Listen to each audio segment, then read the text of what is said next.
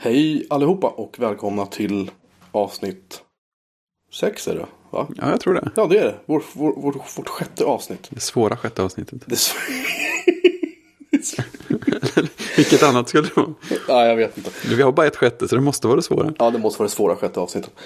Av eh, Sveriges eh, favoritpodcast för eh, nördar som heter Fredrik och Jocke. Ja, det tror jag vi Och kan andra lova. också får gärna vara med. Ja, eh, vi blir lika förvånade varje gång någon annan är med. Ja, vi, vi har fått, så här, vi har fått så fem stjärnor på iTunes. Och vi har fått glada tillrop via Twitter och via e-post. Och vi, vi, vi är jätteglada. Ja, vi vet Faktiskt. inte riktigt vad vi ska ta vägen. Nej, jag vet inte vad vi ska göra. hörs.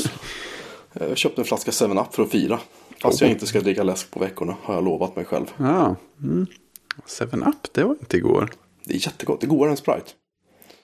Ja, det alltså, 7-Up levde en... eh, Nu, nu, nu kör vi iväg direkt på något konstigt Ja. sidospår här. Är säkrast. 7-Up levde liksom en ganska så undanskymd tillvaro tills jag tror, och någon vet säkert bättre än jag, men jag tror att det var så att när Coca-Cola bestämde sig för att öppna eget kontor och egen fabrik i Sverige. Det var ju Pripps som gjorde Coca-Cola. ja det var ju ganska nyss. Ja, det var 15 år sedan, men skitsamma. Liksom. Ja, det är nyss i mitt huvud. vi, vi lever i forntiden du och jag på så många sätt. Så vi säger att det var nyss. Då tog ju, eh, och det var ju då Spendrups som tillverkade Pepsi på licens. Och då tror jag det var så att Prips tog över. Jag ska titta faktiskt på flaskan vad det står här. På 7-Up. 2,50 pant. Ja, du ser här. 2,50. 2,50 i pant, du vet. En och halv liter. Den tillverkas av Carlsberg i Sverige. Jaha. Och om jag inte missminner mig så köpte Carlsberg Prips. Aha, Jag tror att det var så. Och grejen var att då fick de med alla andra de här licenserna. För Mm. Sprite, Fanta, de ägs av Coca-Cola. japp. Medans 7-Up, Zingo, en rad av de här andra ägs av Pepsi-företaget. Tror jag det var va? Jag Så är tror det. Jo, Jag är hyfsat Pepsi. Pepsico Inc. i USA. Just. Och de eh, ja, tillverkas i alla fall då av Carlsberg i Sverige. Och då är plötsligt började ju då. Och jag vet att jag hade druckit 7-Up när jag var yngre. Och sen dök Ja. 7-Up upp. Tänkte så här, hmm, det ser ut. För jag gillar inte Sprite. Det hände någonting med Sprite för massa år sedan. Det blev så här. Man blev torr i munnen av det. Det var liksom inte igång. Ungefär som du vet. Fanta hade en jättekonstig period. Och det smakar. Det smakar skit helt enkelt. Det skulle göra från början. Eller? äh, nej, nej, men nu, Men nu har de, nu, smakar, nu har de ju apelsin i, i nu Fanta smakar som Fanta. Ja, det är ju bara naturliga tillsatser. Ja, det, är jättekon, det är jättekonstigt. Det är ju helt, helt frångå ursprungskonceptet. Eh, Men det var en period där Fanta smakade skit. Och Sprite Mm. smakar fortfarande tycker jag inte gott. Den, den ska ju smaka lite lime och så. Men 7-Up är ju som Sprite fast den är lite sötare. Jag tror inte att det är mer socker i den. Men den smakar mera gott. Mm. Bara. Visst var det 7up som Cool Spot eh, sponsrade eller gjorde reklam för? Jag kommer inte ihåg. Han som hade ett fräckt plattformsspel. Jag kommer inte ihåg. Men jag Nej. minns att det var en reklam för. Det var någon sån tecknad reklam för 7-Up om det var på 80 eller 90-talet. Det var en sån gubbe som gick och så var han lite cool. Och, ja, väldigt vaga minnen av det bara. Mm. En röd med solglasögon. Jag tror det. Ja, det var nog tror Cool det. Spot. Han hade ju ett, ett spel som var jättesnyggt animerat. Och jag kommer inte ihåg om det var speciellt roligt, men det var så sjukt snyggt animerat så jag ville att det skulle vara roligt. Jo, det där var det. Men det är väl inte han jag tänker på. Men den har jag Ja, okej. också sett. Just det. Vi lägger in en bild på det här i, i, i, på vår webbsajt så ni kan se. Coolspot. Coolspot var ett plattformsspel från 1993 för Japp. Sega. Det. Sega kom det först ja. Amiga fanns det för också. Ja, ja visst, det kom ju sen. Men det var ju så här första gången man spelade var ett sån här eh, Mega Drive eller något som stod framställda på typ BOV eller någonting. Så här, nej, nej, så här. Nu kommer jag ihåg. Det var Fido Dido som jag tänkte. Fido Dido, hette, Fido Dido hette maskoten.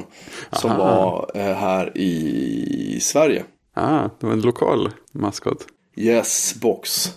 Jag skickar det till dig. Vi, vet, vi har en egen liten hemlig Slack-kanal för så ni kära lyssnare. Vi kanske ska bjuda in alla till den vid tillfälle. Ja, Slack är ju fantastiskt. Slack är underbart.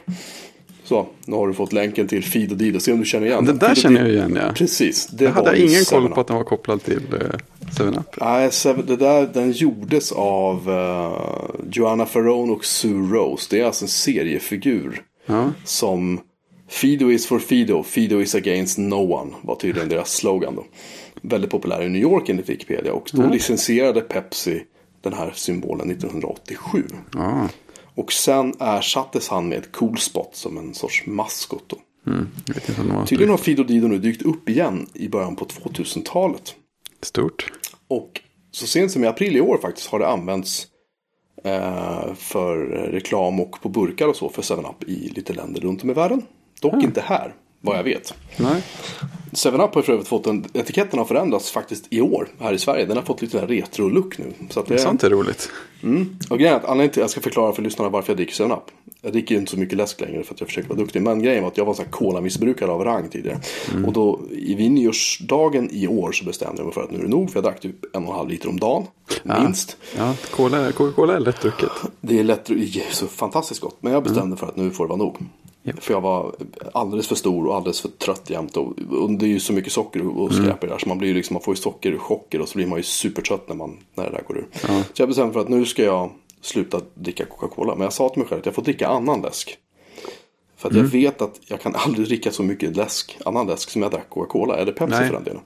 Och det, det har jag hållit. Jag har gått ner typ så sex, mellan 6 och 8 kilo i år. Bara på att inte dricka lika mycket läsk. Ja, det är ju en del energi där man får i sig. Ja, och nu har jag bestämt mig för att, och då har jag ju diskuterat att jag ska börja gå och springa och så. Och nu går jag ju varje dag ganska mycket till och från jobbet. Härligt. Eh, sådär. Så att jag rör lite mer på Men i alla fall då, det som då, ehm, det jag märkt då är liksom att jag dricker mindre läsk överlag. Nu har jag bestämt att jag ska inte dricka läsk på veckorna. Men nu ikväll så är jag fruktansvärt trött. så gör jag ett undantag. Men jag har hållit det här faktiskt än så länge. Ja, det är bra. Min kropp är, tycker att det är jättekonstigt allting. Men jag tror att det är bra. Men då har du ändå hållit, i det ett tag. Det, då måste det vara ganska nära att börja bli Ehm, inarbetat nu. Ja, alltså, ja, alltså du, men det är svårt. Alltså, men väg, vänja sig av med cola. Det är andra gången jag gör det. Första gången jag gjorde det 2008 eller 2009 tror jag det var. Då höll jag upp fram tills förra året någon gång på våren då jag satt och lunchade med en kund. Och han, han skulle bjuda på lunch. Så han hämtade varsin cola åt oss. För han antog att jag drack cola. Jag ville, inte, jag ville liksom inte vara oartig och säga nej, nej, nej, Nej. Så jag drack den här colan och tänkte okej, bara den här, det är lugnt. Jag drack den och var så här, äh, och det var jättesött. Ja, just det. Vi käkade pizza du vet och oj, oj. colapizza. Ja, Ja, det det går blir hur liksom. tungt som helst. Jättesvårt. Och sen så när jag satt i bilen för länge sedan så bara, mm, nej men jag tar en till. Och du vet sen rann det bara på liksom. Jag är en otroligt svag, svag människa på den fronten. Men nu har jag i alla fall bestämt för att jag ska inte dricka läsk och så på veckorna. Nej, Och vi får ju se hur länge det, om det går. Men mm. vänja sig av med cola, det, när jag gjorde första gången då 2008-2009 någon gång. Mm. Då tog det väl ungefär sex veckor. oj, oj. Eh, och jag var tydligen inte rolig att tas med. Har min fru upplyst mig om.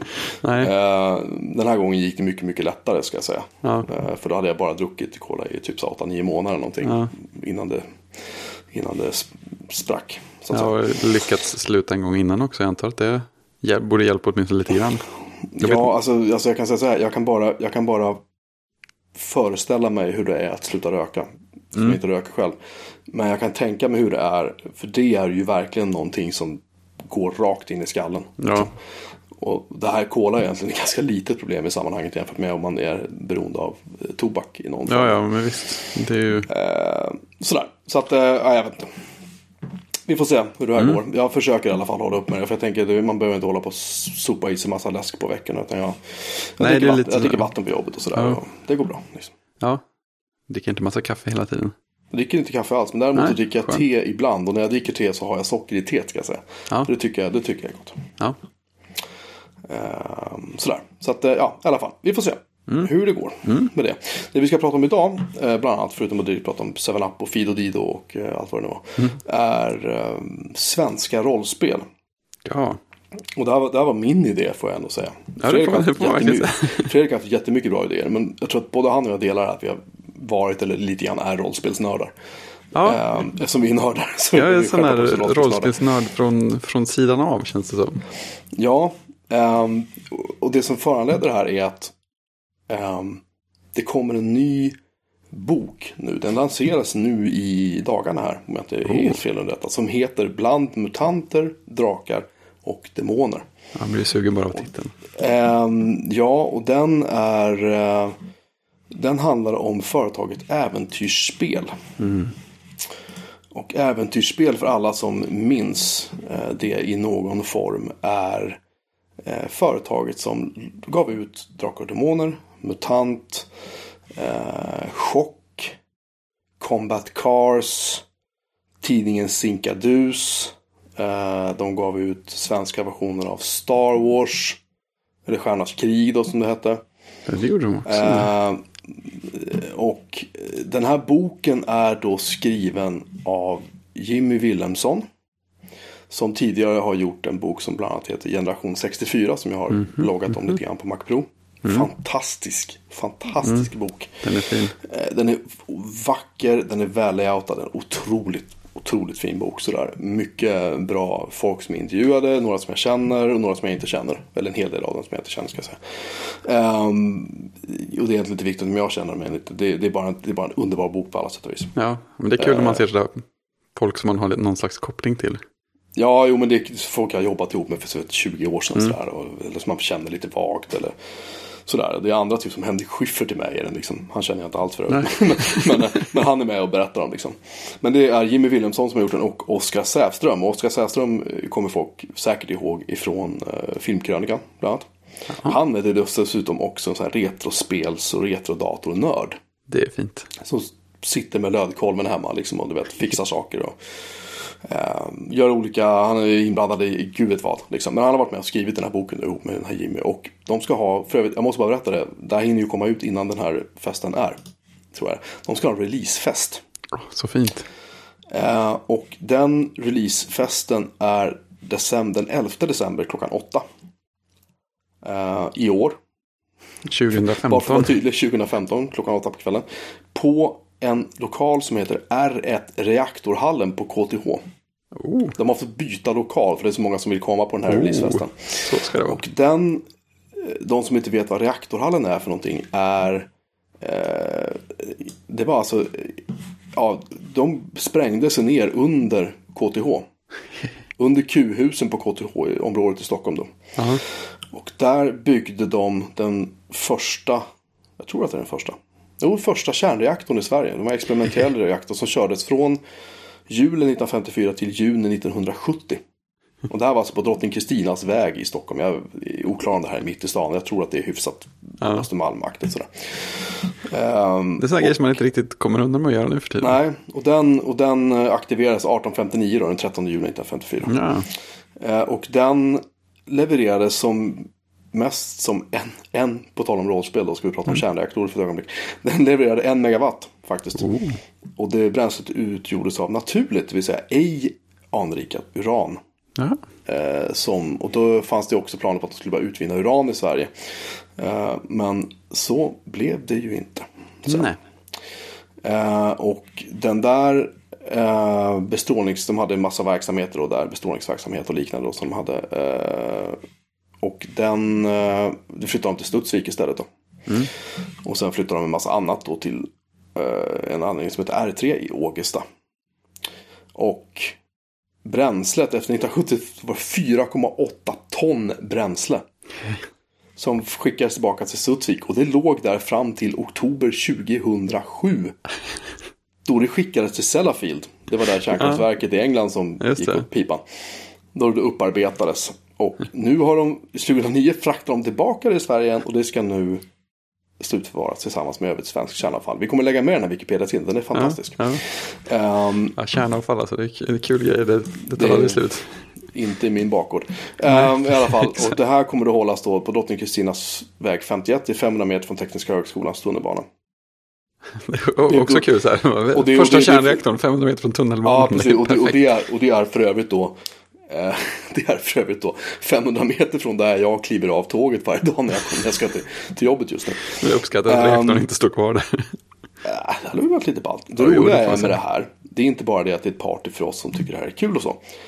Det är alltså en återförening, största återföreningen av äventyrsspels anställda och frilansare sedan företaget lades Oh. ner.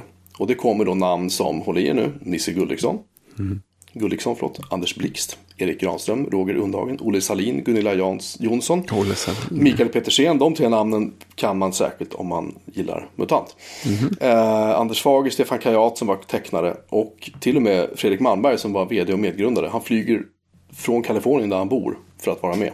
Ja, Och det är då tydligen så att om man har fått en personlig inbjudan är man garanterad inträde och övriga släpps in i mån av plats efter klockan 20.00. Och man kan också köpa boken där och har man förbeställt den så kan man hämta bokpaketet där på plats. Allt det här finns på Facebook. För Det kommer bli hur Under- fint som helst. Eh, ja, i alla fall. Den boken är jag så sjukt sugen på. För jag har nämligen kvar alla mina rollspel. Jag har tydligen köpt till några i efterhand. Jag har fuskat lite sådär. Men jag, alla som jag köpte när jag var grabb. Och då snackar vi Drakar och Demoner, Drakar och Demoner Expert, Gigant. Eh, en hel bunt med Sinkadus-tidningar. Massa expansionsboxar. Det mesta som kom för gamla MUTANT. För det har släppts lite nya MUTANter som vi också Det finns ju några stycken mutantvarianter. Ja, det kom MUTANT 2 och sen så släppte de ju eh, MUTANT eh, i, i Cyberpunk fram... Ja, typ Cyberpunk, precis, aktigt. Och så släppte de ju. Sen finns det ändå från ett eh, gäng som heter Mörka Ligan som har släppt MUTANT år 0. Mm. Som är liksom som sorts reboot, tror jag vi kan kalla det för. Ja, det kom, väl, det kom väl någon annan reboot av MUTANT också innan dem? Gjorde det inte det? Ehm, bra fråga, det vet jag faktiskt inte om. Eh, men vad jag vet är däremot, det har släppts ett antal olika i alla fall. Och eh, det spelet som ligger mig närmast, för jag, det vill säga, jag prövade spela, jag vet inte vilka spel du spelade, men jag prövade att spela liksom chock, jag prövade att spela, jag hade Combat Cars. För det köpte jag egentligen mest för att det var äventyrsspel. Och det, det, var, det var skittråkigt, så det var ett brädspel. Liksom. Ja, okej. Ehm, men det spelet som fastnade för mig mest, det var faktiskt MUTANT. MUTANT 2 förstörde lite, alltså tillförde mycket men förstörde lite också tycker jag. Okej, på vilket sätt? det, men det var, jag vet, alltså för mig var det mycket, det är så här, de har, eftersom att det här är rollspel så är det ju liksom, det är ju, inte- du har ju liksom inga teckningar, du har ju liksom ingenting att utgå ifrån så. Men när du sitter och läser äventyren, så är det eller de här expansionsböckerna, så är det ju mycket illustrationer. Och illustrationerna i de här eh, var ju ofta fantastiska. Men i MUTANT 2 så var de lite halvostigt tecknade. Jag gillar dem inte riktigt. Ah, jag, nej, sånt, att, sånt gör rätt mycket. jag tror att det var han Stefan Kajat som faktiskt tecknade dem om jag inte minns fel. Jag har inte böckerna inom räckhåll nu. Men, men, men eh, första MUTANT var Nisse Gulliksson bland annat som, som tecknade. Och det är också en kul liten sidospår att en del illustrationer från MUTANT eh, snodde datamagasin. Första datamagasin ehm, eh, utgåvan, eller här första från 96, början på 97 någon gång. När de skulle typ illustrera någonting. Då tog de från, både från, eh, jag tror det var Monsterboken. Ja. Eller om det var regelboken till första Drakar, eller den stora upplagan av Drakar Demoner som kom 1983 tror jag var. Den här vanligaste liksom. Som de flesta köpte. Eh, och så ja, från MUTANT också då för den delen. Till, och bara la in i tidningen så här utan, utan att credda. De såg till att signaturen och Nisse Gullikssons signatur var borttagen så här. Som, som jag minns det. Och så, ja, och så bara la de in det så här. De gjorde massa så här grejer. De, de, de eh, klippte ut um, så här vignetter för olika avdelningar. Från eh, engelska Commodore-tidningar vet jag. Screenstar eller något sånt där hade de. Där hade de, som jag minns det, typ bara snott från en annan tidning och bara la in så här. Så det var, det var massa sådana grejer som var... Men i alla fall, skitsamma. Ehm, det som var så roligt med mig personligen med första MUTANT var just att det var... För de som inte vet vad MUTANT är, det är ett rollspel som utspelar sig efter katastrofen. Och då menar jag liksom...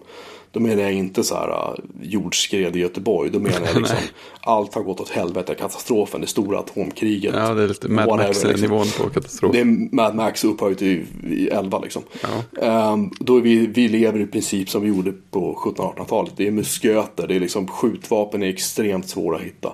Det finns eh, någon liten robot cyborg-aktigt som har sprungit vilse här och var. Det finns stora zoner där det är liksom radioaktivt, där går man inte in för då dör man. Det finns muterade djur som Massvis, alltså har ut, massvis som har utvecklat någon sorts intelligens. Ehm, och där du liksom MUTANT 2 ändrade det där, för där blev det mera infört så lite tyngre vapen. Det var liksom, det blev, jag tror att det i sin tur uppmanade folk som skrev äventyr och spelade de här spelen att kanske göra det lite lättare att få tag i vapen. Men för de som har spelat exempelvis Bris brygga som var ett äventyr som en äventyrsspelare gav ut. ehm, det var ett spel där det var liksom, det fanns ingen, inte så mycket sånt här att tillgå liksom. Nej. Sen så, det kom en expansionsbox som hette Efter Ragnarök också, som var väldigt bra. Det var väldigt fantastiska illustrationer. Eh, och den handlar ju om eh, en stad, Hindenburg. Som är då liksom, jag tror det var Hindenburg den hette i alla fall, jo det var det. Ehm, och det var liksom motsvarande liksom huvudstaden i det här riket då. För hela Sveriges karta har ju ritats om. Enligt deras version, det heter Pyrisamfundet nu istället. Ja, det fanns någon sån här, i, i någon eh, Cyberpunk-varianten av MUTANT-låda så fanns det någon slags översättningsmodul för, för saker från gamla MUTANT. Och där, Ja. där, där fanns det med en sån jättekort världsbeskrivning. Så man kunde se så här var de olika eh, kungarikena eller, eller eh, områdena låg någonstans. Ja, precis. Ehm, och det, det finns också ganska mycket sköna, eller sköna ska jag inte säga, det finns ganska mycket intra, intressanta liksom, paralleller till lite grann faktiskt den värld vi lever i idag, höll jag på att säga, där vi har eh, de människor som har liksom antingen vuxit upp efter den här katastrofen eller påverkats av den här katastrofen, alltså med atomstrålning och så. Mutanter kallas de då för. De var liksom, framförallt så här så kallade psi-mutanter som var, jag tror det var psi-mutanter. Eh, jag har alltså inget facit framför mig utan nu, nu bara i minnet ska jag Ja, säga. japp. Eh, och de, eh, i spelet då så ansågs de vara liksom, de vill man inte ha med att göra, de var opolitliga, de var liksom så här. Mm, Det är de som har De- psyk- psykiska mutationer, eller psykiska Ja, krafter. precis. precis. Eh, och de var liksom inte som alla andra. Lite grann ungefär som vi hör från vissa håll av det politiska landskapet i det här landet nu för tiden.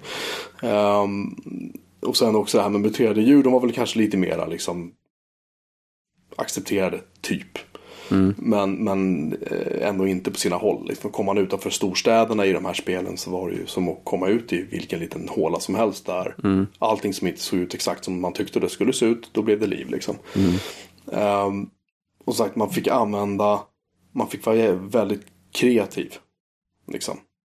Man fick vara väldigt kreativ med de små resurser man hade i de här spelen i form av att om man hade en knölpåk eller ett svärd så var det så här, det var bra liksom. Ja, det håller man hårt i. Det var inte så att man hade liksom en AK4 och bara kunde ställa sig och bränna loss och skjuta Nej, ner. nej så byter det- något annat när ammunitionen tar slut. Nej, nej, men det är precis. För att även om du fick tag i ett vapen så kanske du inte hade ammunition. Det, det fanns liksom inte. Nej.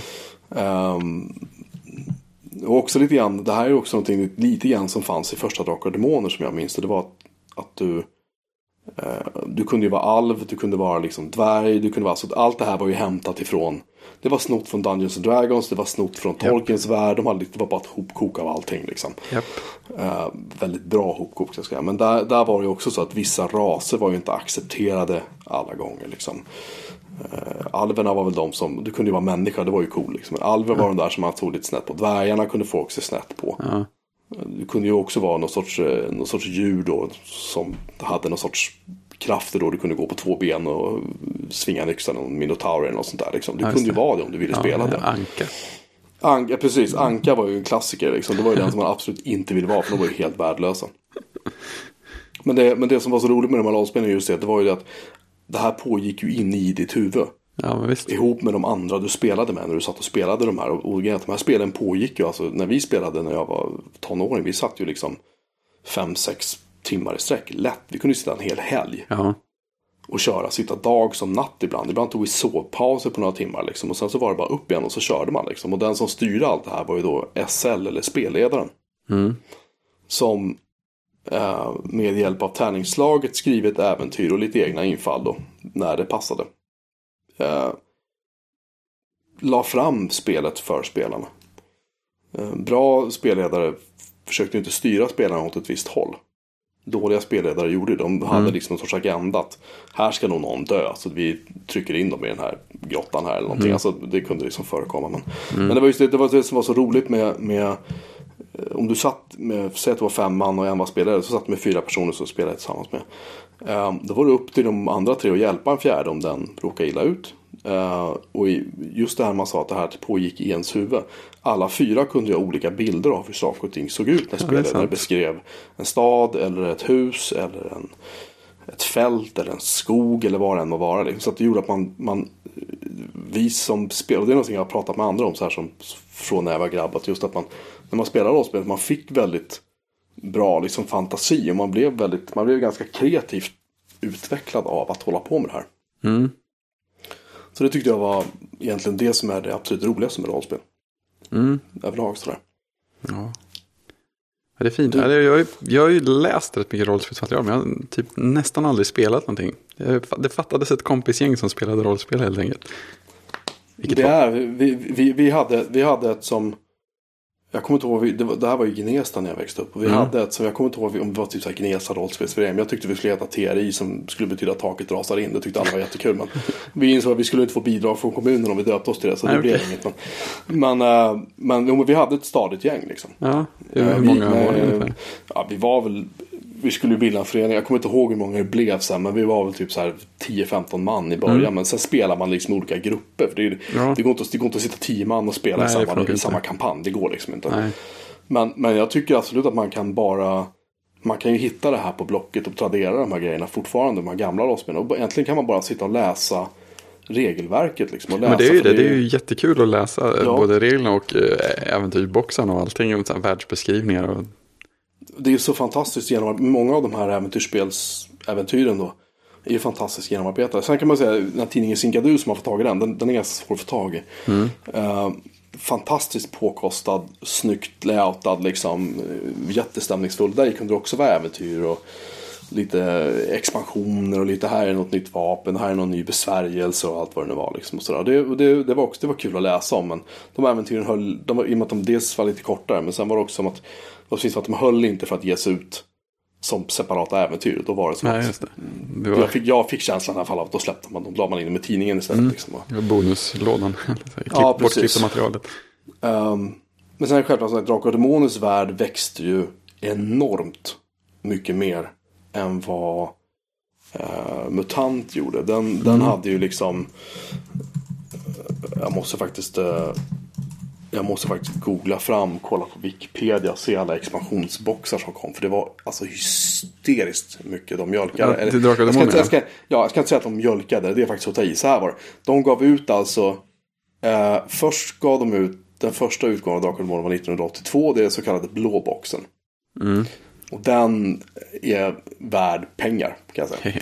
Sen kom den här eh, andra och tredje utgåvorna då 84-85. Så var Ja. det. det var den, det var den svarta boxen. Det var den som jag köpte. Och sen kom Expert också 1985.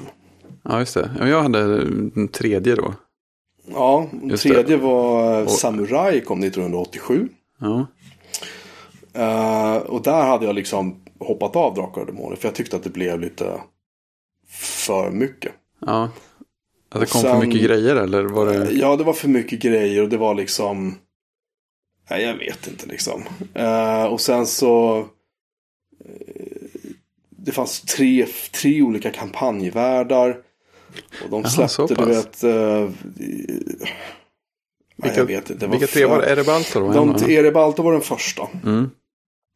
Och sen så kom en som heter Kron, Kronopia. Ja, det var det som kom i någon slags... Den kom med 1994 års utgåva. Ja, men det var det där... Ja, men det var det Den, där konst... Det var Drakar och Demoner väldigt stad. konstigt. Ja, det var en, bara en jättestor liksom, Ja, det var, de har hämtat från Warhammer och Kult och lite allt möjligt Ja. och sådär. Ehm, tydligen var det så också då enligt Wikipedia då, att många blev besvikna när äventyrsspel och senare, senare Target Games som tog över Drakar Mm. och Demoner och när de övergav Erebalto då. Och sen så kom en som heter Trudvang, eller Trudvagn eller hur Ja, men det var den- något eget. Det var väl ett annat företag då, va? Eller? Det var, den gavs ut av ett företag som heter Riot Minds. Riot Minds, så var det. Om jag inte läser helt fel. Ja. Och där var det då en kontinent som kan delas upp i fyra till fem delar. Och det här är liksom Västermark, eh, Mittland och det Mm. var liksom det jättehämtat av eh, Tolkiens böcker då. Ja, jag tror att de, de var väl ute efter att få- få mera sagostämning. Ja, jag Alltså, tror det. John Bowerskt och sånt. Jag läste något, eh, något äventyr eller någon sån här liten världsmodul som de la ut på sin hemsida. Det var rätt mysigt alltså. Det jag kunde känna med Drakar och Demoner var liksom lite grann att, att jag, jag gillade det här äh, när det var de här första grejerna. Men sen när Mm. den här Samurai kom, när det var så här ankor som stod i ett samurajskepp på, på lådan. Det var så att nej. Är lite för mycket mischmasch, helt enkelt. Ja, lite grann. Och sen vet jag att första monsterboken var bra. Och sen köpte jag monsterboken 2. Den kändes lite så här, vad i Häcklefjäll. Och mycket, den var också vacker. Men det var mycket så här konstiga prylar i den som man bara Ja. kände att. Nej, jag vet inte. Nej. Eh, men det var som sagt, det kom, det kom mycket så här. eh, det, var, det var mycket expansioner. Jag förstår att de ville ge ut. Det är så de släppte ju Drakar och Demoner Gigant också. Så var det. Ja, Det var också en box de släppte. vad var det som kom in? Var det där man kunde börja belägra borgar och sådana grejer? Fältslag och sånt? Jag vet, jag köpte Gigant. Men jag ska ärligt talat. Jag kommer faktiskt inte ihåg. Jag tror inte att jag har kvar den Nej. faktiskt. Ja, men jag hade några kompisar som hade den. Jag hade Eh, expert. Gigant var, eh, kom 1987 och det var då regler om kampanjspel. Och det var tänkt då att eh, det var då regler yrken, färdigheter, besvärjelser och så var det då intelligenta, rika varelser skulle vara med. Eh, Det blev så mycket av det liksom. Så att jag, jag vet inte. Det, du vet, de här var ju inte billiga heller de här grejerna när de kom. Det var ju liksom. Nej. Även om man hade liksom studiebidrag som kanske var på, jag vet inte, på 700 spänn eller vad vi hade på den tiden. Liksom, Så var det så här. Det var ju inget, alltså köpa en Drakar och Demoner-box, det var ju hundratals kronor. Ja. Och billigare blev det ju inte heller. Men sen, Nej. sen kommer jag ihåg, sen kommer jag ihåg faktiskt när jag eh, när jag ledsnade på rollspel. Det var när de släppte Sagan om ringen rollspelet. ja, det som var. Det var ju, det var ju en rak licens av ja, det som liksom. var tabell, tabellbaserat om man säger. Det var, alltså jag kan säga att, jag kan säga så här att det var, de reglerna var, även de, även om jag, alltså jag spelade med folk som var bra mycket mer erfarna än mig. Och liksom de började sitta ner och började läsa igenom de här uh, regelböckerna. Mm. Och de fattade ingenting. Nej. Det var så fruktansvärt komplicerat. Ja, ja, men det var ju det. Det var helt vansinnigt. Jag hade en kompis som hade det också. Jag tror vi, vi orkade igenom en bit av någon slags introduktionsäventyr. Sen spelade det aldrig. Nej, men det var liksom, det, det bara blev för mycket liksom. Ja. Och så fick man någon sån här superallvarlig skada direkt för att man läste runt i tabellerna. Så, så, var, så var det med det. Nej, men lite så var det. Jag, jag kunde känna att nej, jag, jag, jag ledsnade. Och det var väl kanske inte kanske elakt mot äventyrsspel. Så det, men nej, jag vet inte. Jag, jag, jag kände bara att det... Sen, man håller på med datorer, man håller på med massa andra grejer så här, liksom, som, som inte... Jag vet inte. Nej, nej Man, det, man fick annat för sig. Liksom det, det sista... Alltså hitta det sista då. Först släppte de Drakar och Demoner då, äventyr. Jag funderar på vilken ordning de släppte spelen här. Drakar och Demoner släpptes 82. Mm. Mutant kom 84. Chock var 85. Ja, det var också ett rent licensspel va? Eh, det är en amerikansk, det är en översättning av det amerikanska spelet Chill. Ja, Inte ett överraskande. Och det är ju liksom då... Eh, ja, det är ju skräckspel. Det skulle vara lite 1800-talsaktigt typ. Med spöken och vampyrer och zombier. Och det, jag tyckte det var skittråkigt. ut sagt. Sen dröjde det till 1986. Då kom Sagan om ringen rollspelet. Så var det. Ja, Sen 1988, 1988 vet du vad som kom då? allt. Stjärnornas krig rollspel. Var det något att ha? Eller? Eh, jag spelade det aldrig. Jag såg kartongen och Ja. bara tänkte att nej, jag hoppar över den. Det var också en licens. Det var en översättning av eh, motsvarande spelet som gjordes av något som heter West End Games i USA tror jag. Eh, Jo, de gjorde Paranoia också, eller? Kanske var, vet ej. Um, alltså, alltså, utländska rollspel är någonting som jag har noll koll på. Ja, jag bryr mig jag- aldrig om det. I princip noll koll också. Men samma kompis som hade Sagan om ringen-spelet, han, jag har inte så mycket kontakt med honom längre, men han har koll på rollspel. Så han, jag har läst massa roliga moduler och grejer hemma hos honom de gånger vi har sett. Så det, ja, det finns mycket fräckt. 1991 släppte de eh, ett spel som hette Kult. Kult, ja det var ju... Det verkar det har jag inte som spelat. Att, nej, det verkar som att det var faktiskt ett spel som Äventyrsspel gjorde. Och sen så översattes det till engelska. Ja, just det. Och det byggde var ju så här uh, kabbala och det var liksom Det var massa mörkt, religioner och det var, det var, det var inget roligt alltså. En gång, människorna en gång var gudar, nu är de slavar och liksom. Men det, Ja, var i det var det som uh, Livets Ord protesterade utanför Stor och Liten eller någonting. Kanske var, Ja, men det var, någon sån, det var någon sån grej. Så att, det var någon leksakskedja som Livets Ord producerade utanför på grund av kult. Så att den kedjan slutade sälja rollspel helt.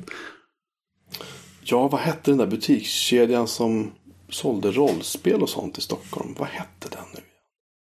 Tradition. Tradition, tack, det var det, just det. Den hade ju butik först. eh, Det hade en i Göteborg också. ett tag, Ja, det hade de nog. Ja. De, var, de var rätt stora. De hade en, jag tror inom inte den i Göteborg. Den har jag faktiskt varit inne i. Den kanske är borta nu, jag vet att Ja, jag tror det. Jag kommer inte ens ihåg vart den var. Men jag vet att jag var där någon gång i tiden och handlade typ Guardians-kort. Jag var inne och tittade och jag hittade ingenting av de här gamla rollspelen. Jag frågade dem, de bara tittade på mig som att jag var helt knapp. Men den låg ju, jag, vet, inte- jag kommer ihåg att den flyttade från någonstans tradition till Studiegallerian. Mm. Eh, någon gång på 80-90-talet någon gång. Ehm, och sen flyttade den in upp till Stora Gallerian på Hamngatan i Stockholm. Och där sen tror jag att den döptes om till någonting annat. Men det, ja, det har jag helt sumpat eh, vad den hette. Och så. Men i alla fall det sista. Det att de, jo, de släppte ett brädspel som heter Monstret som slukade Stockholm. Kom ut 1983. Det låter ju som ett Inspirerat av, de, inspirerat av de japanska monsterfilmer där det finns då obligatoriska holmgångarna i monsterkärnor. Då. En spelare kontrollerar ett monster och får en uppgift att lösa exempelvis en uppgift att lösa exempelvis att demolera det kungliga slottet eller skatteskrapan. Den andra spelaren kontrollerar poliser, brandmän och militärer som i god Godzilla-tradition ska försöka hejda monstret och dess destruktiva framfart. Ett tidstypiskt inslag är ett gäng av oberäkneliga skinheads som ömsom hjälper monstret, ömsom bekämpar det. Allt efter hur tärningen faller. Det låter riktigt djupsinnigt. Uh, ja, ja, kanske så. Uh, just det här är en grej om Combat Cars förresten. Mutant 2 innehöll regler för att användas tillsammans med Combat Cars. Det hade Aha. jag helt missat. Det har, Ja. det har jag ingen minne av att det fanns Nej. faktiskt. Men, uh, I alla fall, äventyrsspel gjorde ju liksom tonvis med. De gjorde Ja. soloäventyr också, kommer du ihåg dem? Ensamma vargen och fanns det man kunde Nej, köpa. nej. Det var alltså böcker där det var ehm, du läste ett kapitel och sen så, Ja, sådana eller väljer några väg. sidor. Och så var det så här, okej, vill du gå till höger eller vänster? Typ. Mm. Så, ja, gå till höger, okej, s- hoppa fram till sidan, blä. Just det. Du är död, typ. Okej, bra, eh, då läser vi om det. Och så höll man på sådär. Eh, det var väl, eh, det var väl kul några gånger kanske. Ja, men jag hade någon sån. Den tror jag var översatt. Någon amerikansk i och för sig. Det var Lone Wolf hette de faktiskt, 28 stycken böcker. Oj, oj, oj. Och de första 12 översattes och gavs ut av äventyrsspel Ja. från, från 85 fram till 90. Eh, men det finns faktiskt upp till 33 böcker nu i Lone Wolf-serien för de som är intresserade av det. Oj. Men du nämnde utländska rollspel. Ja, Kan du så här, jag vet inte, berätta för mig. har, jag missat, har jag missat något? Nej, jag har inte, som sagt, jag har varit dålig på att spela spel. Men eh, jag märker att eh, det, har ju, det har ju hänt grejer sen, sen så MUTANT och gamla MUTANT. Det verkar, det verkar ju ha varit flera vågor av motreaktioner mot den här Sagan om ringen-extremismen. Där det är hur mycket regler som helst. Så det verkar ha kommit rätt mycket spel som är mer och mer eh, inriktade på olika sätt på att bara berätta historia. Eller kanske till och med skippa regler och tärningar nästan rakt av. Så väldigt speciella världar och sådär också. Fast, jag vet, fast jag vet inte, utan tärningar känns, så känns det konstigt. Ja, jo, men det är väl så. Alla, man har väl sin egen så här, nivå vad man tycker känns som. Ja, men nu är det rollspel. Ja, nu är det inte rollspel längre. Nu är det något annat. Ja, Men eh, det var, vad hette det? Jag tror att det hette Polaris ett som jag, som jag läste sist jag träffade en kompis här. Som utspelar sig i någon sån här alternativ eh, värld eh, typ vid, kring Nordpolen. Med någon sån här halv alviskt upphöjt folk som är dömda till, till undergång och sånt där. Och de påverkas av mörka krafter utifrån. Och det var så här sjukt stämningsfullt rakt igenom. Med någon sån här kall, dramatisk, eh, ja, domedagen är på väg men den är inte här än. Och man spelar någon sån här väktare, eh? Väktar, vad heter det? väktarkast av något slag som är de som liksom försöker skydda världen mot ondskan utanför. Och all, allt, allting kommer att gå åt skogen förr eller senare, det är liksom oundvikligt men det handlar om hur, hur de liksom är i den världen och sådär. Mhm. Mystiska saker men som sagt väldigt, väldigt, väldigt spännande att läsa, väldigt stämningsfullt. För, just det här med stämningen var ju så viktigt. Jag, jag Mm. minns när vi Jag minns när vi hade liksom spelsittningar där det bara Det, det blev inte bra. Alltså Mm. det blev så här Antingen för att spelledarna kanske var lite eh, oerfaren eller också kanske för att eh, jag var spelare första gången. Det gick ju helt åt helskotta. Det var ju Mm. liksom för jag hade, Då ville man ju malla. Då hade man ju en bild av, hur, Ja det hur det skulle gå till. Liksom. Man Ja. visste inte bättre. Men eh, när den där stämningen väl infann sig. När man hade ett äventyr som var liksom bra konstruerat. Där det fanns gott, alltså tillräckligt mycket frihet för spelarna. Att kunna röra sig i vilken riktning som helst. Man kan jämföra med Infocom-spel som vi pratade om förra veckan. Med, med Sork och allt det här. Liksom att där kan du gå, visst i början så kan du så här, du kan bara gå till söder. Liksom. För det är enda hållet du kan gå till början. Ja. Men sen så kan du liksom röra dig fram och tillbaka ganska fritt. Liksom. Ja, det öppnar Ja. upp så. Det öppnar upp och där kan man liksom se lite paralleller mellan de här Infocom-spelen tycker jag och rollspel. Förutom att du spelar dem själv då i Infocom-varianten. Men, men att, du, att du har en... Att det hela tiden flyter på. Att du liksom inte...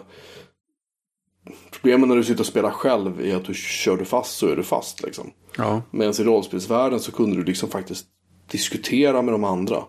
ja Prata igenom, hjälpa varandra. Eh, jag kommer ihåg, jag tror att det var Briss brygga. Så fanns det, det fanns en här teleporteringsgrej grej, som man, en teleporteringsstation som man hittade. Som var liksom som en låda. Och vi skickade in, det var någon som gick in där. Mm. Och sen inte kom tillbaka. Liksom. För det satt ju folk i andra änden och bara väntade i princip. Eller typ hade Ja. ihjäl folk då. Eh, och vi började ana efter en stund att det här är inte gått rätt till. Och då, då, då kommer jag ihåg, då kläckte jag ur mig så här att.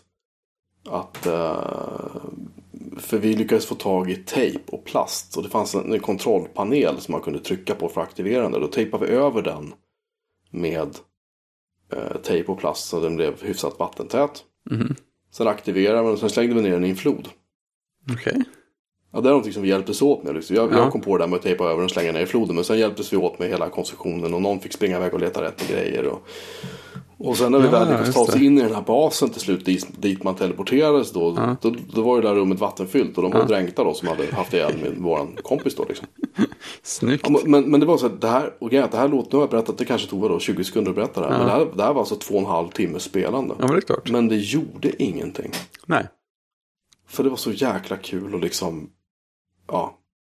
Jag vet inte. Ja, nej, men det är jättehäftigt sånt där. Alltså, det kan, vi, man kan ta vilken väg som helst beroende på vilka idéer man får och vad man, vad man pratar om. Och det kommer jag ihåg. Eh, det var något av äventyren som följde med ja, den tredje Drakar och Demoner-utgåvan. Det var något äventyr som kretsade kring ett eh, litet munkkloster som hade blivit anfallet av orcher någon gång för ett tag sedan. Sen hade de öppnat dammar och översvämmat det. Och då var, då var det just en, en lång sektion med så här här är varianter som äventyrare skulle kunna få för sig och, och, och, göra för att, för att liksom sänka vattennivån och komma, komma in i klostret.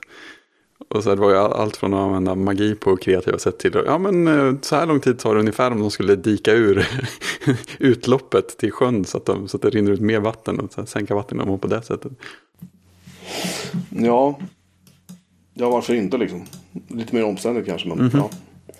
Men, när, när kom eh, nya MUTANT? Då var det början på 90-talet. Alltså den svarta boxmutanten. Eh, ja, nu ska vi se. Det, det kommer ju, det är ju ett antal mutant som är, vi ska se, vi, vi tar hjälp av, vi, vi fuskar, vi tar hjälp av Wiki- Wikipedia igen.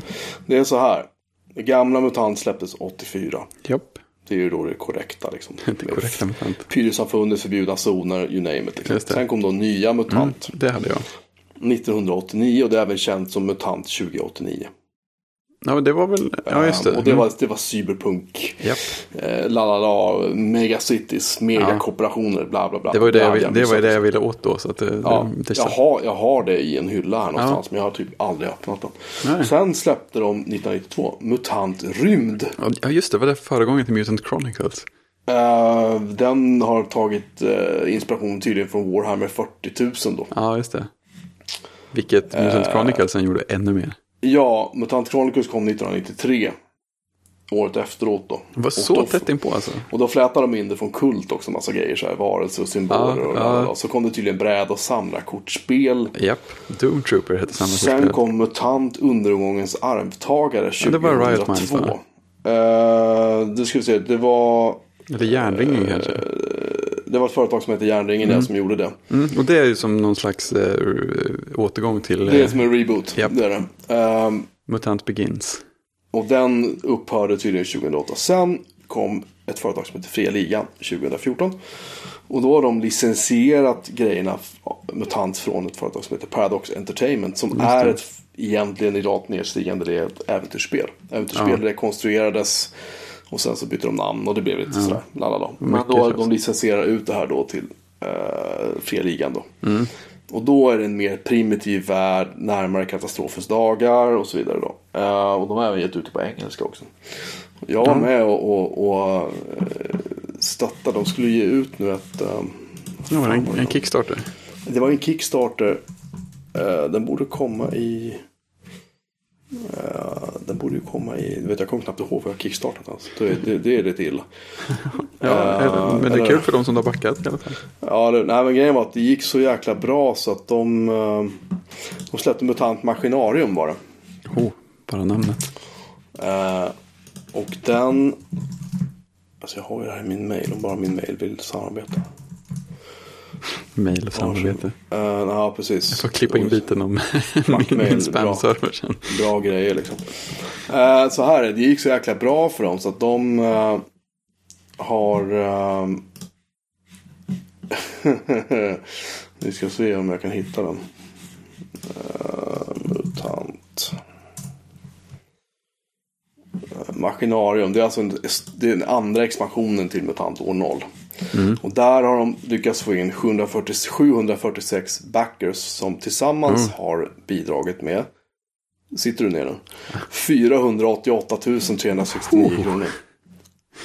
Och då börjar de liksom slänga på så här add-ons på add-ons på add-ons. Så att de som då har då liksom hjälpt till och ge pengar då. Då fick man, liksom, fick man kunna köpa en sån här en affisch med Simon Stålenhag har gjort den. Du vet han som har gjort de, här, alla de här fantastiska målningarna. Ja. Alltså han är ju helt otrolig. Eh, man fick lite nya tärningar, man kunde få en, en ny box. Man kunde veta om man bara så här, man la till lite mer pengar och lite mer pengar och hej och hå sådär. Och det är liksom eh, lite mer kapitel, man får den i pdf-format när den kommer. Eh, novellsamling, Kaknäs sista band. Och det är liksom ett gäng prylar som de bara slängde på. Ja. Eh, jag tycker Fria Ligan gör grymt bra grejer. Jag är sjukt imponerad av dem. Eh, och det de gör, de har en podcast också för övrigt. Ah, bra kick. Som jag kan rekommendera. Som heter eh, Rapport från zonen. något sånt där. Vi lägger in den i våra, Ja. Absolut. I våra, våra eh, anteckningar. Ja. Dumt, det låter dumt att säga show notes. I alla fall, Mm. mm. Fria Ligan har ju också gett ut Simon Stålenhags bok, bok som heter Ur varselklotet. det, Med, ja. alla, med alla de här fantastiska. Man kan för övrigt se en liten diskussion med honom eh, om man eh, går in bland Öredevs eh, videos. Från Jaha. ja, Öredev-konferensen. Han var som en sån här bonus-keynote eller vad man ska säga. Åh gud vad häftigt. Och pratade, som gjorde en liten intervju där. Han satt och live-målade lite på scenen också. Jag tycker det är så häftigt för att han liksom. Han var ju eh, så, så schysst jordnära person. Ja, och han fångar så mycket det av helt- det här, uh, det här, det här när man växte upp på 80-talet. Ja, det är så helt fantastiskt. Bara, ljuset är perfekt. Ja, det är sådär som, man, som man skulle vilja att det var. Så här, ja, men tänk, tänk dig det här, men ja, så går det förbi en jättestor robot i bakgrunden. Ja, bara och liksom, alltså det går inte att beskriva. Har man inte sett det här så blir man helt chockad när man ser det. För, att, Mm. för det första är det så pass, det är så, det är så vackert målat som man tror nästan att det är fotografier ibland. Mm.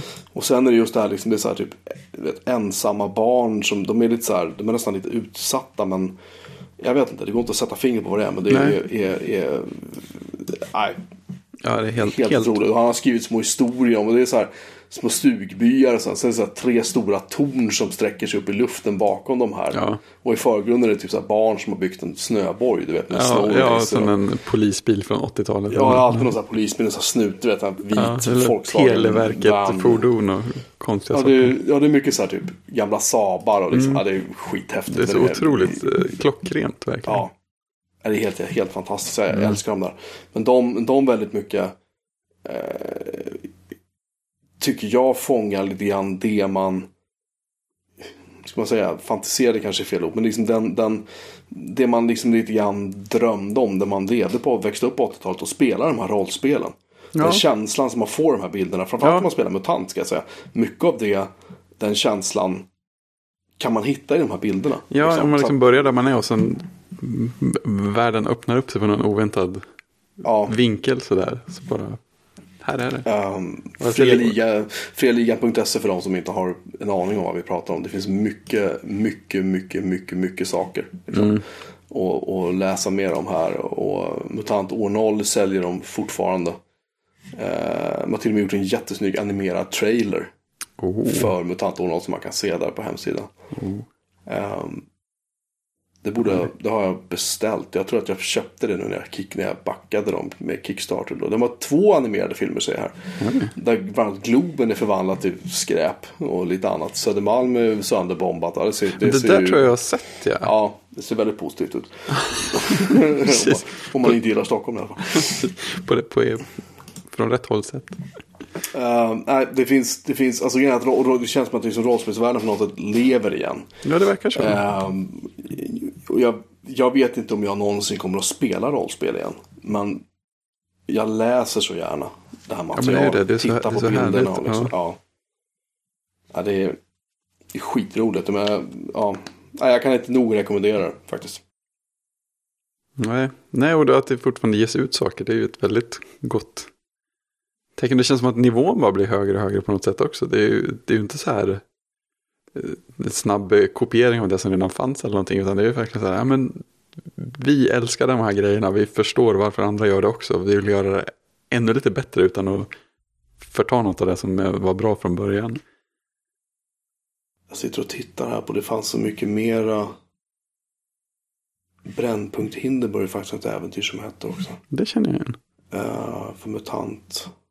Det fanns en bok som heter MUTANT Krim också. Ja, det var till, till Det nya regel- MUTANT. Ja, det var regelmodul också. Ja, det fanns ju så här om Shanghai och Tokyo är med i den här cyberzonen också. Ja, just det. Det var där de konsekvent skrev tetrabyte istället för terabyte. Nej, men det är ju inte okej. Nej, Nej det, det tar emot lite när man väl har insett det.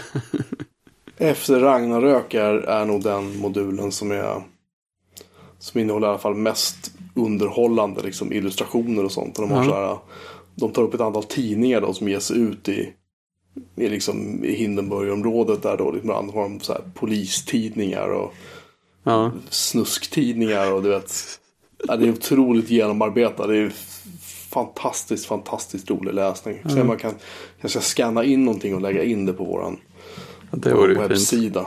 Jag, kan, jag ska leta fram regelböckerna. Det vore svårslaget som sån där sidhuvudsbild för avsnittet. Ja, nej, men det är liksom. Ja, det, det är sån humor i det så liksom. Ja. jag, jag skrattar när jag tänker på det. Det är skitigt. det- Det är otroligt roligt. Det. Ja, Eh, Men i alla fall. Nej, men det. ehm, det gör vi. Vi skannar in några sådana. Jag tror att det, det är nog okej Mm. att göra det. jag. jag, hade ju, jag hade ju Mutant Chronicles också. Att det, alltså det, på tal om stora mishmash. Men jag tyckte det var, ja, det var ändå ett ganska så här kul mishmash. Det, speciellt så här utgångsläge som de, när, de, när de beskrev världen i början.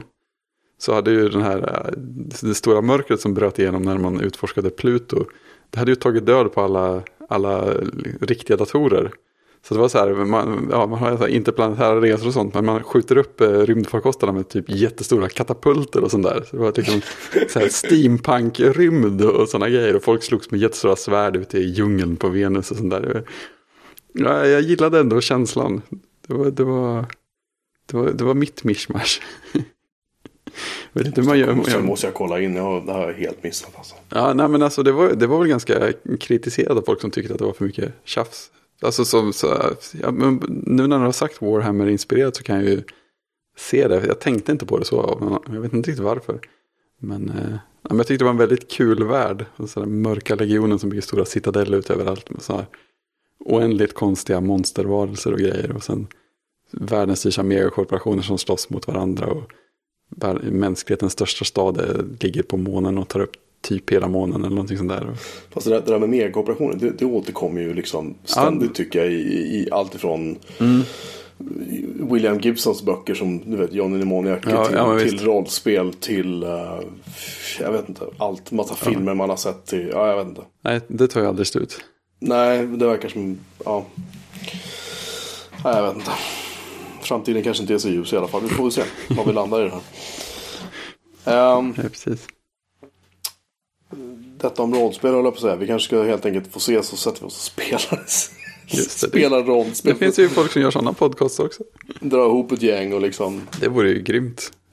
Mitt Ja, första var- seriösa rollspelande. Så. Ja, det, är- det är, alltså, som sagt, jag har ju inte spelat det här sedan jag var 15, 16. Nej, nej, jag som sagt jag spelade nästan ingenting innan jag var eh, yngre. Men sen när jag började plugga så blev jag kompis med en kille som var tre år äldre än mig. Ja, Eh, vilket var, betyder, ja, han hade bott typ två, ett kvarter bort ifrån mig. Och han var kompisar, kompis med massor av mina kompisars storebröder.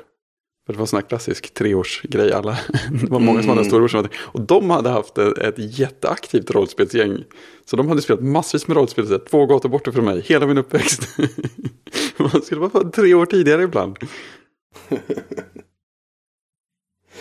jag sitter och tittar på Nisse Gulliksons uh, Wikipedia-sida. Ja, vad gör alla de äventyrsspelsmänniskorna? efter Target Games så blev han faktiskt vd för Paradox Entertainment. Jaha. Och som skribent i tidskriften Sinkadus använder han ofta pseudonym. Bland annat Lars Apik. Eller Apic. Det är lite roligt faktiskt. Ja. Får det märkas att jag skriver för det- mycket. Ingen aning om kanske. Nej. Nej, just det, så var det Det är också han um, Jimmy Williamsons sajt spelpappan.se kan jag rekommendera för oss som är riktiga så här retronördar. Ja. Han har en bild uh, där Datamagasins skribent Johan Pettersson sitter och ska förklara hur man spelar äventyrsspel över modem. Och där är det, och där är det två stycken illustrationer från, datormark- eller från uh, Drakar och Demoner. Ah. Av Nisse Gulliksson. Som används i tidningen. Det var det jag berättade om initialt här. ja, just det. Jag sagt, det här är ju... Ja, nej, Nisse Gulliksson han, han verkar vara i ropet än idag. Och sagt, han har gjort fantastiskt mycket vackra grejer. Alltså. Mm. Har du spelat datorrollspel någonting? I någon form? Definiera ett datorrollspel för mig. Ja, jag, det beror på vilken om, om du menar World of Warcraft, nej. Nej, nej, nej, nej, jag tänkte mer på sådana äldre. Typ, ja, så Eye of the Beholder-tiden och framåt. Baldur's Gate för den delen. Och Neverwinter Nights verkade ju vara någon slags. Det verkade vara lite mer kunna spela som ett klassiskt rollspel. Ska villigt erkänna att jag inte har spelat någon av dem. Nej, nej. Eh, jag har spelat... ehm, alltså... Jag vet inte om man kan säga att Pirates var ett rollspel. Det Som vi Ja, nämnde på- på sätt- på sätt och vis. På sätt och vis kan man säga det. Eh, men ehm, i övrigt nej, därför att det känns som att de har tagit Bard's Tale spelar jag en del. Det, var, det om något var väl ett rollspel i sådana fall. Liksom. Mm. Eh, men det var mycket som jag bara inte... Jag vet inte, jag, jag, det, det blev aldrig av liksom. Det blev aldrig av att man satt och spelade. För det, det tog sån tid och man hade, Ja, men det gjorde hade liksom inte tid riktigt alla gånger. Även om man gärna skulle vilja haft tid så... Jag vet det blev bara inte av liksom. Ja, nej, men jag, nej, jag hade kommit som spela så här Curse, Curse of the Azure Bonds och sånt där. Mm. Och, och de verkade ju, ja men det verkade också så här som det tog hur lång tid som helst ungefär. Och sen så, och det var ju bara större och större strider också. Det var inte som att det var direkt storydrivet på något sätt. Nej, det, det är sagt, jag har, ing- jag har ingenting, jag kan inte liksom relatera till det på något sätt. Men man ser de som har, det finns de som hävdar att spel som, som ja, World of Warcraft och liknande spel där man är online, där man är i en jättestor värld och du vet, allt det här liksom. Eh, att det är jättefantastiskt. Och det, det kan jag säkert hålla med om att det är. Men det jag ser är att det verkar ta en fruktansvärt lång tid. Ja men det är ju det. Allting liksom. Ja men allting är ju gjort för att mekaniken ska hålla en sysselsatt. Det är på något sätt, på något sätt är det ändå motsatsen från till varför man spelade rollspel. Det är ju inte, Det är ju, men det är ju, det är liksom, det är ju så här, det är ju som, det är ju som mitt colaberoende nästan liksom. Ja, men lite grann. Det här är gjort för att du ska dricka så mycket cola som möjligt. Eller precis rätt mängd cola hela tiden. Så att du inte tröttnar och blir lite mer beroende och inte typ avlider heller. Ja, nej, men precis. Så länge du, så länge du har bandbredd och, och pengar bara så är det lugnt. Liksom. Ja. Jag vet inte. Eh, nej, jag, jag, jag vet inte. Det är, för mig var ju rollspel en väldigt social grej. Alltså det var ju då någonting man gjorde tillsammans med någon. Ja, ja men det var man- det som om- skiljer också. Sådär. Det, var inte, det var ändå eh, relativt nyss i sammanhanget som man började kunna spela socialare rollspelsaktiga spel Ja, på precis. datorer. Så att jag, jag vet inte. Jag, jag kan inte riktigt... ehm, jag kan inte riktigt svara på... på det, det, är en, det är en svår, kanske lite svårare fråga än vad, jag, Mm. än vad det behöver vara. Men det är bara att jag har, liksom, jag har inte koll. Nej, nej, nej, men jag tyckte det var spännande för att jag, jag har inte spelat, alltså Neverwinter Night som jag sa, det, det har jag inte spelat, men det verkade som att det hade någon slags ambition att vara mer som ett klassiskt rollspel. Att en person, fast man spelade då över, över nätet, eller om man satte upp sin egen server, men just att man såg det väl i någon slags 3D eller uppifrån perspektiv eller någonting. Men att man hade en person som var spelledare och faktiskt satt, satt ihop kartan och kunde styra alla monster och sådana där grejer. Och sen hade man ett gäng andra spelare som, ja, som var spelare. Mm. Och det är ju det är en spännande idé. Jag tror att det fick rätt hyfsad kritik när det kom också. Men jag vet inte om någon... Jag spelade, jag spelade ju inte heller. Nej, Nej men sagt, det, det, är, det är liksom... Jag, sen kan man undra liksom, vem är publiken för sådana här spel idag? Ja, men det är ju det. Det är det som är- det, det ska vara pang och det ska vara våld och det ska liksom... Det, det som var grejen med rollspel när, när jag var ung, liksom, i alla fall yngre. det, var, det var att det fick ju ta tid. Ja, För då hade vi inget internet. Vi hade eh, två tv-kanaler. Liksom. Vi hade, ja, vi hade BBS-erna på sin höjd. Då, liksom. Ja, Men- de, fick, de tog ju tid också. De tog tid, men det kunde inte vara uppkopplade hur mycket som helst. Nej.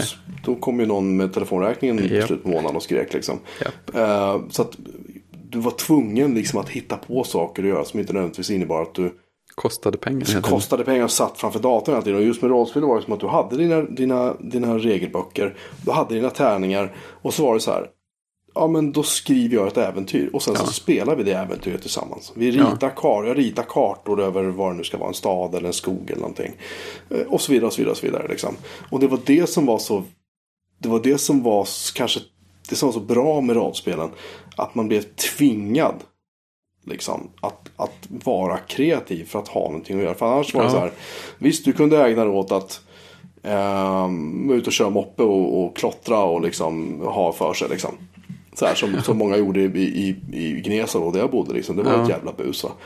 Ehm, eller också så satt man inne med polarna och gjorde saker och ting tillsammans. Och sen vad det gjorde, det, det var ju upp till var och en. Liksom, Ja så. men precis. Men Och så det just, var- det- ja, ja. och det att, man, det var- att ju mer kreativitet man la i det desto mer fick man ut också. Det är ju... Ja, där, därför att det blir också det att ju fler äventyr du spel, eller som du skrev och spelade, eh, ju bättre blev du på att göra äventyr. Och så blev de bättre och så blev de bättre och så blev man bättre på att spela tillsammans. visst. och så vidare, så vidare. Så vidare Ja, det är verkligen en sån positiv kreativ Ja. spiral. Det är ju helt grymt. Och den måste ju, det, jag menar den går ju ingenstans. Den blir ju inte omodern heller. Det, men det är, det är svårt just det där att konkurrera om, om tiden. Det är ändå ett insteg i det. Sådär. Alltså sen, sen, jag kommer ihåg också just det här med datorer och så kontra rollspelen. Sinkadus, tidningen då som Äventyrsspel gav ut, den... eh, där började de ju ha med liksom lite datorspel, recensera lite datorspel och du vet de så här, här kan du programmera en slumptalsgenerator i Basic liksom. Så man, istället för att slå tärningar. Jag kommer ihåg så här, jag, mina polare läste det så var det bara, nej. Nej, det, här, det, kändes, det kändes konstigt liksom. Ja, det var i, i alla fall ingenting som vi någonsin använde. Nej. Eh, så att, äh. Ja, ja, det, jag, jag, tror att, jag tror att rollspelen som de var då, tror jag vi nog, det, det, man krävs att man har liksom växt upp med dem i någon form. Ja, det kan, det för kan, att, det kan för att vara det ska vara kul liksom. Ja, men så vet jag inte om det kanske finns andra former som håller sig. Bara att inte vi vet om det. Eller någon, någon som vet. Hallå? Ja, kanske, kanske mindre skala i sådana fall. kan Ja, jag eller andra varianter. Eller, ja, jag, vet, jag vet inte vad jag ska tro. Nej, det är ett svårt, svårt ämne. De har inte tålamod för sånt här. Alltså jag skulle inte kunna säga att jag menar jag försökte förklara rollspel för min 15-åriga dotter. Hon är Mm. 15 år och tjej. Därmed inget sagt att inte tjejer kan spela rollspel. För det kan de absolut göra. Mm. Men de har lite andra prioriteringar idag än vad de hade när jag, när jag var. Eller kanske inte förresten. Men nej, när jag var yngre. Men, Just det, men vänta lite nu, vad är det jag säger? men, eh, men ehm, Men De har möjlighet att lägga tiden på andra saker också. Fler andra Alltså saker. det, ja, alltså det var så här. Som sagt, och det, och det var liksom. Det farligaste med att spela rollspel på 80-talet. Det var att folk trodde att man var typ djävulsdyrkare. sådär. Det var, det, var typ, det var typ där man kunde få liksom. Jaha, vad är ni då? Liksom, sitter, ni här och, sitter ni här och liksom. Precis, är misstänkt. dy, dyrkar djävulen och spelar Ja. Drakar och Demoner ungefär. Det, var, det, Mm, var, precis. det fick man ju höra liksom. Ja. Men annars var det ju. Äh, Nej. jag vet inte. Jag sitter också och tittar på, på sidor ur Sinkadus när de börjar så här. Hur Drakar och Demoner de börjar införa då europeisk heraldik. Och när man typ går i åttan man vet inte ens vad det betyder. Liksom. Det var ju så här. Det är någon som har suttit och funderat lite för länge. riddarregler och liksom. Man skulle göra sköldmotiv och liksom. Mm. Nej, Det blir så här, det urartar åt konstiga håll helt plötsligt. Ja men det var det. Jag tror, jag tror det var det också som gjorde att man blev lite less på Drakar och Demoner. I alla fall jag blev det. Att du var tvungen att, som jag sa tidigare, du var tvungen att köpa så mycket material. Och du var tvungen att liksom sätta dig in i så fruktansvärda mängder regler. Medan MUTANT var liksom, det var så mycket enklare. Och du, det fanns så mycket mer frihet. För ju mer regler de körde ner i halsen på folk, upplevde jag det i alla fall. Ju tråkigare blev det att spela det liksom. För att Jo men det är ju det, man har ju så svårt att välja bort också. Så, nej, men har jag en bok som säger att reglerna är så här, då måste jag väl följa den antar jag. Ja, och, och liksom, visst jag, jag, kan, jag kan köpa liksom att grejen med att ge ut fler regler och flera expansionsboxar var därför att de skulle liksom utöka eh, liksom spelmöjligheterna. I Ja, ja, absolut. Att, att, du, du, så att du lite lever vidare ungefär som du släpper Battlefield 1, 2, 3, 4, Battlefield ditt och datten. Liksom, Ja, så. men folk vill göra fler grejer också. Ja, ja, det blir som en franchise liksom. Ja. Och du håller spelet levande och så. Absolut, jag köper det. Men problemet är så här att man kunde faktiskt fortsätta spela exempelvis MUTANT. Jag har återkommit till det hela tiden. Du kunde fortsätta spela Mm. det. Eller du kunde spela första Drakar och Demoner om du bara ville det. Det kunde du fortsätta göra år efter år. Det var bara din egen fantasi som satte gränserna liksom. Ja, men exakt. Men och, det, på något sätt känns det som att jag vet inte. Ehm, jag kände att den där expansionsboxen, alltså Mutant 2 gillade jag inte. Efter Ragnarök gillade jag. Eh, och sen var det, det fanns en som hette Satsintermezzon som släpptes. Den var helt värdelös. För då kunde du använda så här stadsgrejer för både Drakar och MUTANT. Och det, det skar sig ju ganska hårt liksom.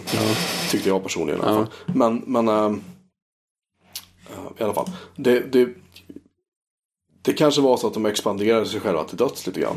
Ja, men lite så. Vi kan slå åt alla håll samtidigt. Så vi provar och ser. Det var en grej som jag för övrigt gillade med, med Mutant Chronicles. Det kanske är det som gör att jag gillar det alls. Att det var väldigt lite och enkla regler. Och det var väldigt mycket så här beskrivningstext och små historier och så i alla, alla regelböckerna och världsböckerna. Mm. Det var många av dem som hade som, ja, små kortnoveller om olika karaktärer. Liksom I marginalerna och som, mm, ja, för att beskriva världen och sånt där. Så det var, det var väl där man fick så här riktigt skön bild av, ja, här är den här staden på Mars som är ungefär som Las Vegas. Och det är inga klockor någonstans och allt är hur stort som helst. Och sådär. Ja. ja, det är bra med, bra att sätta, sätta rätt stämning. behöver man inte ha så himla mycket regler. Mm. Nej, det är just det. För också så här att jag tror inte att man med rollspel kan man kan liksom inte tvinga fram stämningen. Man kan inte tvinga fram att folk ska liksom, Nej, du vet, bara dyka upp här och så ska vi ordna allting åt dig. Utan det krävs att du kommer till bordet liksom och, som man säger så, och faktiskt liksom bidrar själv med att vara närvarande och vara engagerad. ja, annars kan man spela ett brädspel istället. Ja, och det spelar ingen roll om du har så här 55 expansionsboxar liksom, till MUTANT eller Drakar och Demoner eller Chock eller what have you. Liksom. Nej, precis. Det sist och syvende spelar roll, det är faktiskt du som deltar. Ja. Punkt slut liksom. Ja. Och det är väl egentligen det jag tycker man kan summera rollspelen med på väldigt bra sätt. Det, är liksom Mm. att det, var, det, det handlade extremt mycket om de som var med. Kanske mer än de som Alltså för, återigen, man kan titta liksom på reglerna till första Drakar och Demoner som kom. Som jag köpte då 84 eller vad det var.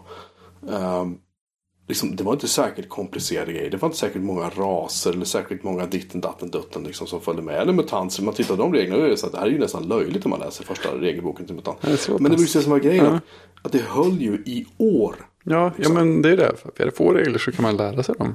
Då behöver Ja. man inte titta på dem hela tiden heller. Så att jag känner på något sätt att, att, att eh, ska man börja gräva ner sig i det här så ska man, kan man absolut stötta fria ligan och de, det är inget att köpa de här produkterna som de släpper. För det är värt det, helt klart alltså. Jag tycker att eh, det är fantastiskt att de gör det.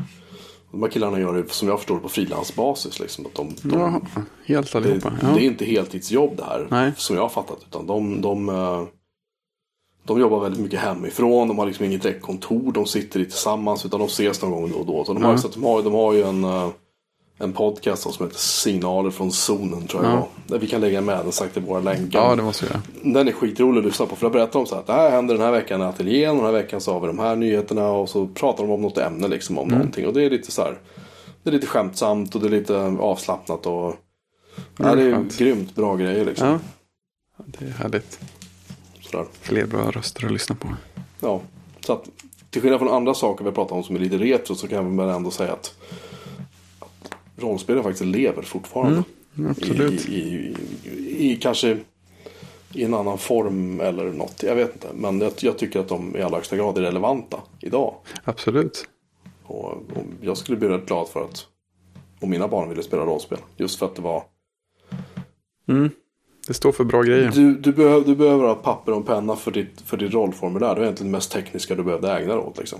Ja, Och sen är det bara att delta ja, liksom. men, ja men faktiskt. Så att, ja, nej, i alla fall. Nu ska vi inte sparka på den här konon mer. Ehm, Eller klappa den kanske. eller klappa den, ja precis. Hellre kanske. Ja. Jag tror aldrig jag har klappat en ko förresten.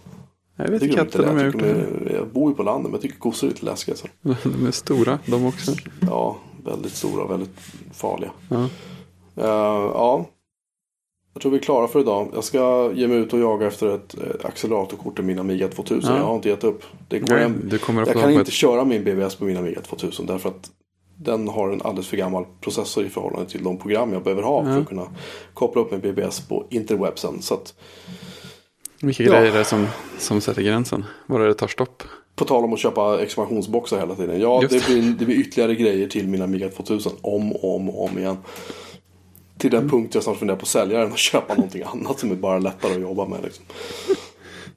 Men skulle det verkligen bli lättare? Skulle det bara bli olika? En del av charmen är väl det här pillandet och meckandet och, och att man faktiskt har råd att köpa saker och ting nu jämfört med när man var liksom Ja, det är det. 15, är rätt. 20 liksom. Det är rätt häftigt. Så att, eh, ja, nej, det är... ehm, vi får se vad jag ska Mhm. göra. Den rullar vidare på min Amiga 1200 så länge. Inte Eh, fiskarna. med detta så tror jag vi ber att få tacka för oss idag. Eh, om inte du har någonting att tillägga Fredrik.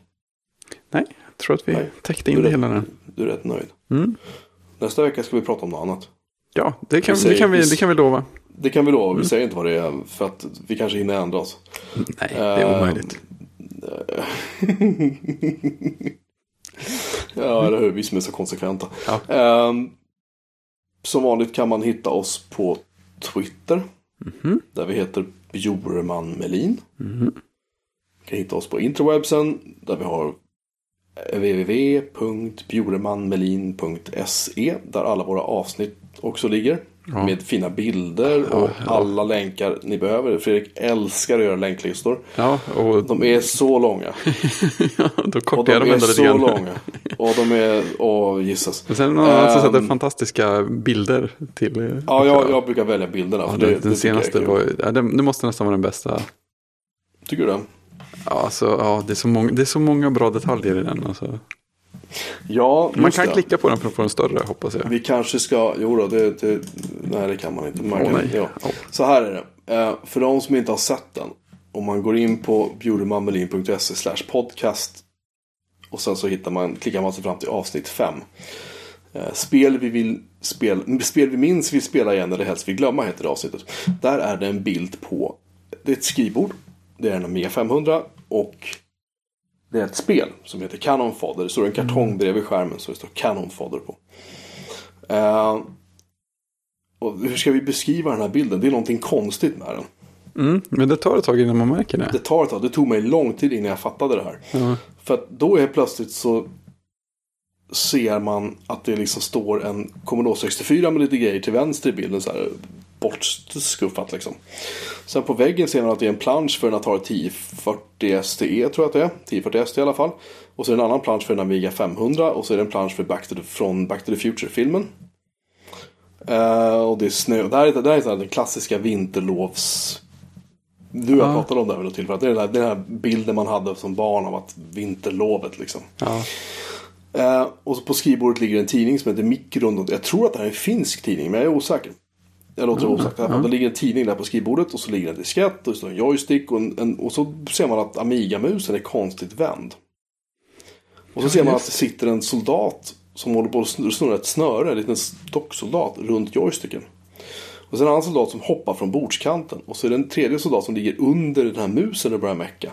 Och en fjärde soldat som står bredvid Amigan. Och så börjar man helt plötsligt inse att det här är en reklambild för spelet Cannon Fodder.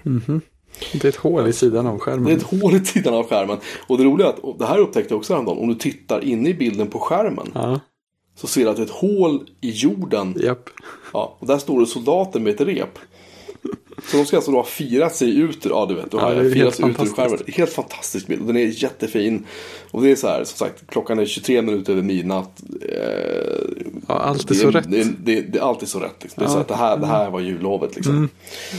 Ehm, Ja, det är så där man väl ska om man, Ja. om man precis har somnat och så vaknar man och tittar upp så känner man att de där soldaterna bara står blickstilla och ja. gömmer sig bakom det, och det här var liksom det jag kom ihåg. Det, här, var- det, här, det var liksom det här jag drömde om. Mm. Just med datorn och allt det där. Innan jag hade den Amiga 500. Mm. Så den bilden är... ehm, ja, det är nog faktiskt min favorit också tror jag. Den är otroligt, uh, otroligt välgjord. En kul bild liksom. Ja, men verkligen. Eh, vad vi ska hitta för bild den här veckan. Det blir någonting rollspelsrelaterat. Men jag ska se vad jag kan. Ja. eh, Det känns som att du, du har ju bildmaterialet. Möjligheterna finns där.